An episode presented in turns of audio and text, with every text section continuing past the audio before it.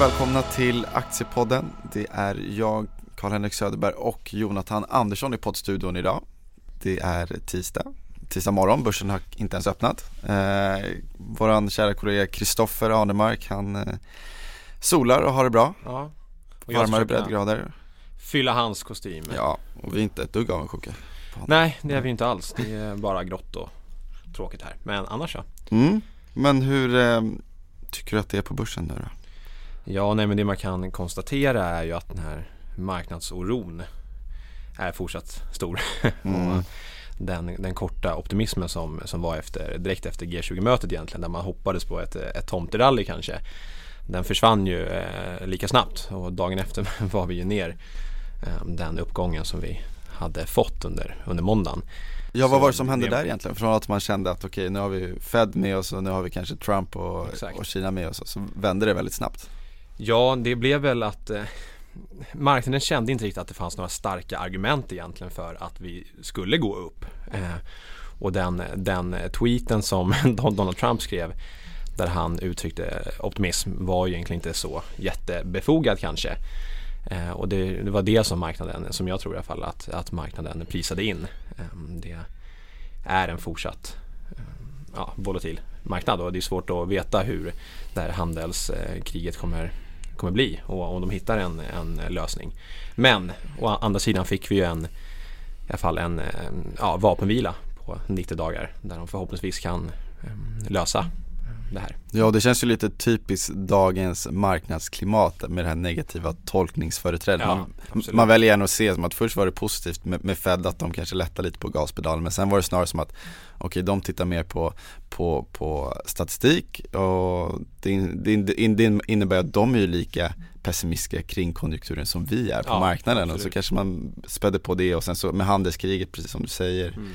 Så ser man ju ytterligare bara, man, man väljer ju att se glaset som halvtomt istället för halvfullt i många Ja, tillfällen. Ja, verkligen. Så är det. Men det där med handelskriget blev inte bättre precis av att eh, Huaweis finans, var det finanschef? Ja, finanschef precis. Och, Tillika dotter till grundaren Exakt. Och, blev eh, arresterad av Ja, och de, de säger ju även att det är den framtida VDn för Hu- Huawei då. Eh, Så det gjorde det ju väldigt osäkert och det eh, marknaden tog det ju verkligen negativt. Sen får vi se hur, det- hur, det, hur det slutar. Det känns som att de är rätt hemlighetsfulla kring, kring hela den pro- processen nu eh, som komma skall. Men uppenbarligen så var det ju inte helt bra. Nej, Så, men om man, om man liksom zoomar ut lite, egentligen så är det inte så konstigt det vi upplever nu. Alltså vi befinner oss ju i, sent i den här cykeln. Eh, och rimligtvis så borde det då präglas av, om du ser en konjunkturtopp, eh, högre räntor och dessutom nu med centralbanks likviditet som dras tillbaka. Det kanske inte är så konstigt att det är liksom nervositet och rädsla som präglar marknaden. Nej men Ja. verkligen inte. Alltså det, det får vi nästan eh, räkna med på något sätt. Och sen om man adderar till då den, de andra orosmolnen som, som finns där, där ute. Både Brexit, Italien och, um, ja, och nu senast då den inverterade eh, yieldkurvan då. Den är också Ja det känns ju Det verkligen som rätt. att marknaden har velat, man vill hitta någonting som man kan förhålla sig till någon, någon okomplicerad story och då har den här yieldkurvan i USA tycker jag det pratas om överallt hela Ja, tiden. jättemycket nu Mm. senaste. Och vad innebär det här då, om räntekurvan inverteras? Ja men det som det, vid tidigare tillfällen så har ju det för ett eh, en recession. Mm. Och um, det har varit mellan eh, ja, nio månader och upp till tre år så har ju den recensionen blivit eh, ett faktum. Den här siffran är också kul för den varierar alltid. Vissa säger Ja. 12, 6 till 12 månader, vissa säger 9 till 3 år, jag har 12 till 24 månader Ja, också. då får, Ja. vi, får vi se Så vilken mm. som har rätt. Ja, det var den, eh, den senaste siffran jag hörde. Mm. Det är precis som du säger, det, det, det, det kommer ju vara svårt att veta. Och um, det är ju frågan hur, hur långt fram och framåtblickande är börsen? Eh, om det är att recession kom- kommer om tre år så är det ju de multiplarna som det handlas på för, för nästa år är ju lite väl eh, hårdare kan jag tycka. ja, jag menar och det här, det är ingen garanti för att det kommer Absolut för, för att det kommer en recession. Så på något sätt så kanske om man ska liksom försöka leta andra signaler kanske man mer ska titta på makroekonomisk statistik Ja. som ju exempelvis Fed gör, vilket de har sagt att de ska bli mer data dependent. Och men att om man zoomar ut och tittar på global nivå Så inköpschefssiffror ser ju faktiskt nu på slutet så har de ju faktiskt stabiliserats i Kina. Ja. Eh, skulle kunna vara en viss tendens till stabilisering i Europa, man kanske är lite tidigt ute nu men, men USA går ju fortsatt bra. Ja, Eh, verkligen. Och det, det som är lite intressant här kan jag tycka att även fast vi har vänt ner så är vi ju fortfarande på väldigt höga ni- nivåer kopplat till de här makro eh, sta- statistiska eh, indikationerna. Då. Och, eh, så det är ju fortfarande i många delar av världen en fin tillväxt. Eh, men bara att det har vänt ner från väldigt, väldigt höga ni- nivåer kopplat till inköpschefsindex och li- liknande. Mm.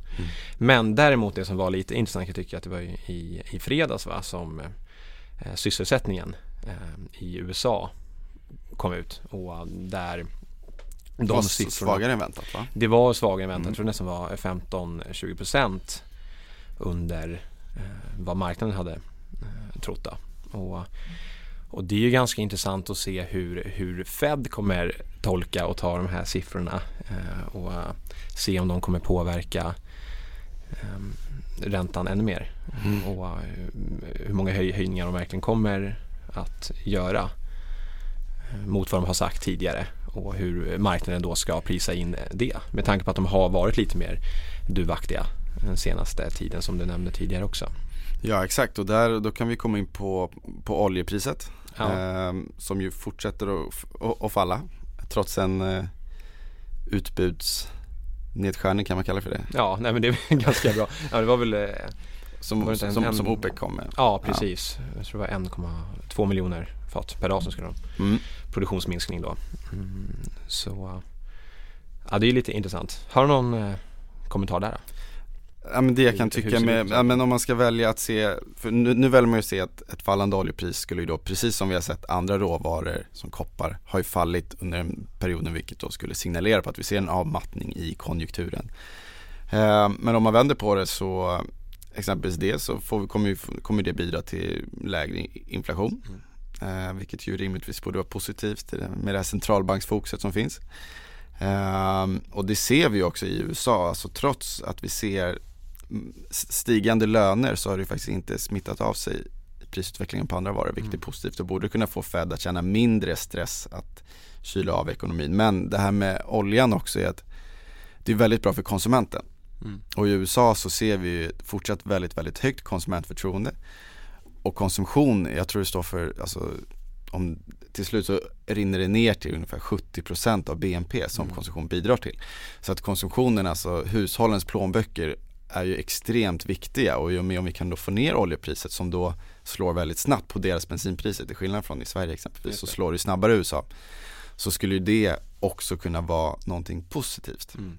Nu ser man ju, nu väljer man att se det snarare som att det, är liksom, det, det indikerar att eh, konjunkturen är på väg ner snabbt och kommer innebära, att investeringar kommer gå ner generellt. Men det här är någonting som jag tycker man ska, som man ska komma ihåg att lägre oljepris kommer rinna igenom hos hushållens plånböcker och det kommer innebära att den här konsumtionstrenden kommer fortsätta hålla sig stark. Just det. Ja, det är spännande. Eh, Så det skulle kunna vara ett annat sätt att se på det. Ja, och då kanske man inte behöver vara så rädd för den här recessionen Nej. om man tänker att arbetsmarknaden i USA är stark ändå, Fed kanske nu är lite mjukare och så oljeprisnedgången. Ja.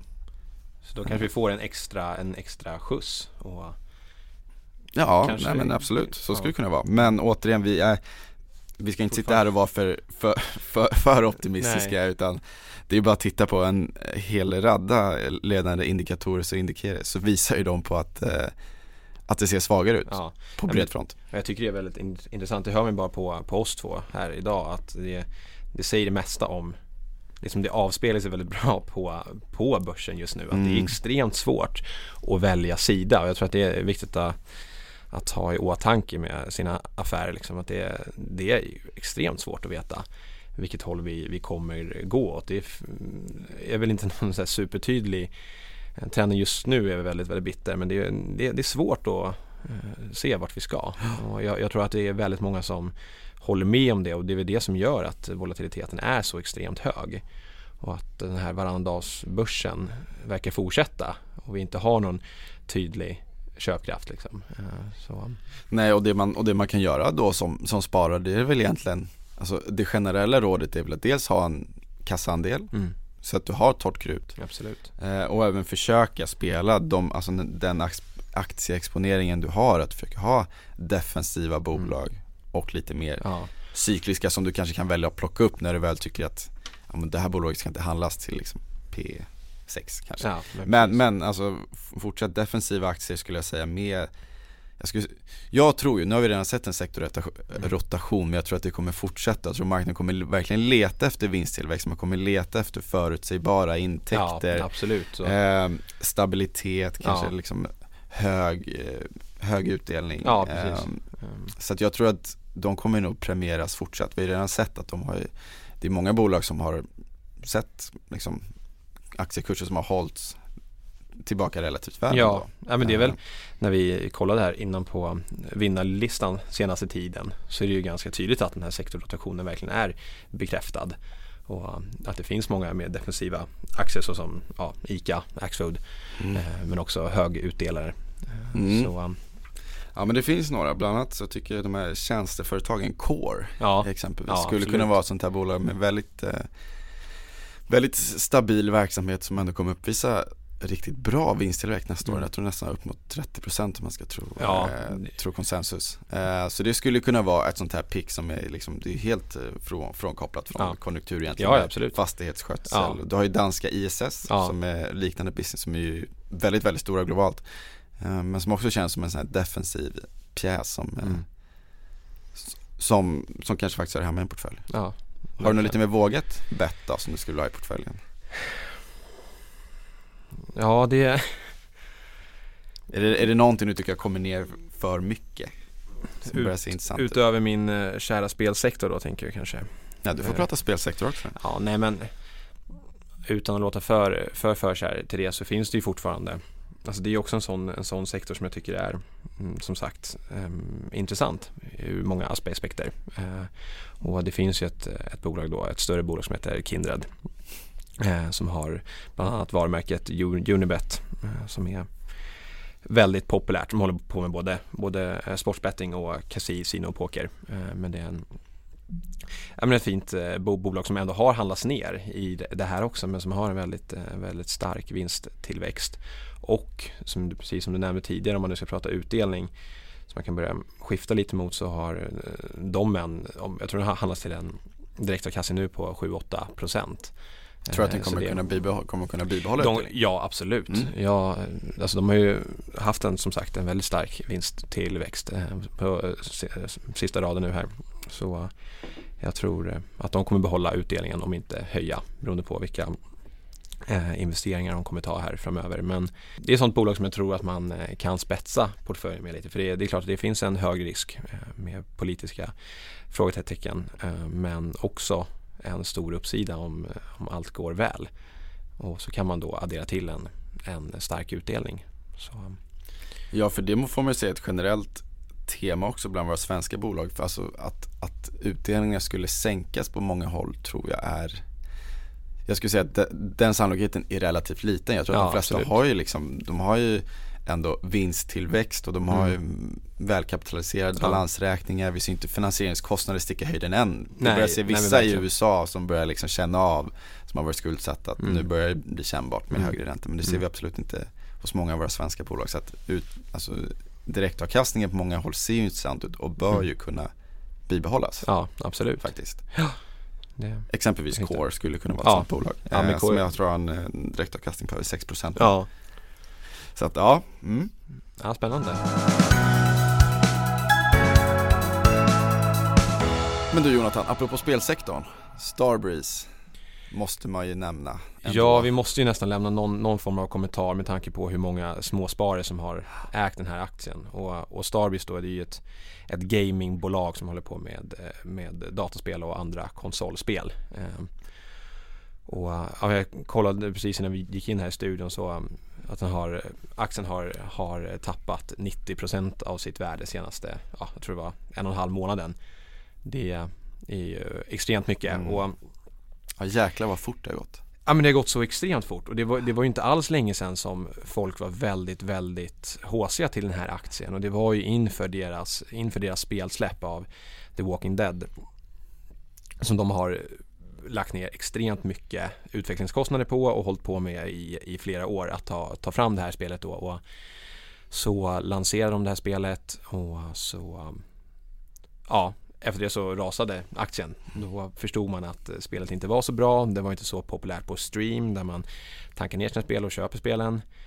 Ehm, och det enda man kan säga är väl att att risken i sådana här bolag är extremt hög om man inte har kassaflöden från fler speltitlar. Mm. De har egentligen varit eh, väldigt duktiga historiskt sett på att få fram ett stort spel som heter Pay, Payday där de har haft kassaflöden från och har det fram, framöver också. Men eh, jag tror det är viktigt att tänka på när man investerar i sådana här företag att det är väldigt stora utvecklingskostnader man kan nästan jämföra mot, mot läkemedelsföretag där man ska periodisera extrema utvecklingskostnader och så är det liksom, det är lite bära eller brista när man väl lanserar spelet då. Och eh, i det här fallet så brast det ganska rejält och så mm, tolkar jag det som att marknaden var ju inte alls medveten om den här likviditetsbristen på kort sikt. Vilket ledde att, eh, att bolaget nu är i en dekonstruktion. Då. Och det är ju väldigt oturligt. Jag tyckte det var det är väl runt 18 000 småsparare på mm. Avanza som äger den här aktien. Det är ju väldigt, väldigt, eh, väldigt mycket och det finns nästan li lite likheter med, med Fingerprints resa eh, där den var väldigt HC och alla skulle köpa den här och um, så blev det lite pannkaka av det. Och hur var det? Både, det var i alla fall några ledande personer som hade sålt Ja, det är ju en riktig härva. Ja, precis, precis. Innan det här offentliggjordes. Ja, det är en riktig härva där. Jag vet inte hur det kommer sluta. Men det är ju det är väldigt tragiskt också för det var ju som vdn Bo där har ju haft eh, det väldigt tufft och han var ju tvungen att sälja sina aktier till en väldigt, väldigt eh, billig peng från, från krav på från banken då. Vad var det för det, kurs då med tanke på vad den står idag? Vad var han tvungen att sälja? Jag tror det var eh, runt två kronor. Okay. Mm. Men då mm. hade, då, det ska ju tilläggas då att han, att han köpte de här aktierna under en företrädesemission på kursen 23 kronor. Mm. Så det är ju en rätt eh, saftig förlust mm. han, han tar där. Men det ledde ju till ett utflöde ur aktien och rykten startades och mm, det Det var väl där det började? Någonstans. Det var där det började och mm. det blev ju väldigt befogat. När den här rekonstruktionsdelen blev offentliggjorda. Så det är viktigt att ta med sig att det är hög risk i de här aktierna och det är stora utvecklingskostnader som man måste ha med och deras balansräkningar kan bli väldigt, väldigt tunga. Och då, då blir ju risken hög att bolaget tar stor stryk om de inte lyckas lansera ett bra spel då i det här fallet. Men eh, det finns, väl, eh, det finns väl hopp kvar om att de ska kunna försöka sälja delar av, av eh, bolaget då och försöka se något värde i de digitala varumärkena som de kanske har och de, de speltitlarna som ändå finns. Ehm, det är väl det som de aktieägarna som finns kvar och de som köper aktien till den här kursen hoppas på. Och mm, det, det får vi väl se. Mm. Man hoppas ju för småspararnas skull att de ändå får betalt för det. Ja, hur ger det mig? Mm, ja, mycket story. det är läskigt, mm. verkligen. Men du, um, jag tycker att vi rundar av där. Ja, med Starbreeze. Känns jättebra. Och lite kloka ord Tips. från din sida. Ja, men tack. uh, så uh, vi är tillbaka om en vecka igen. Ja. Och uh, då är, ja, då är nog Kristoffer tillbaka. tillbaka. Han kommer väl tillbaka på fredag? Tror jag. Just det, så är det. men innan vi säger helt hejdå så har vi ett som vanligt viktigt meddelande från samarbetspartnern Barncancerfonden. Vi ses om en vecka. Tystnadtagning.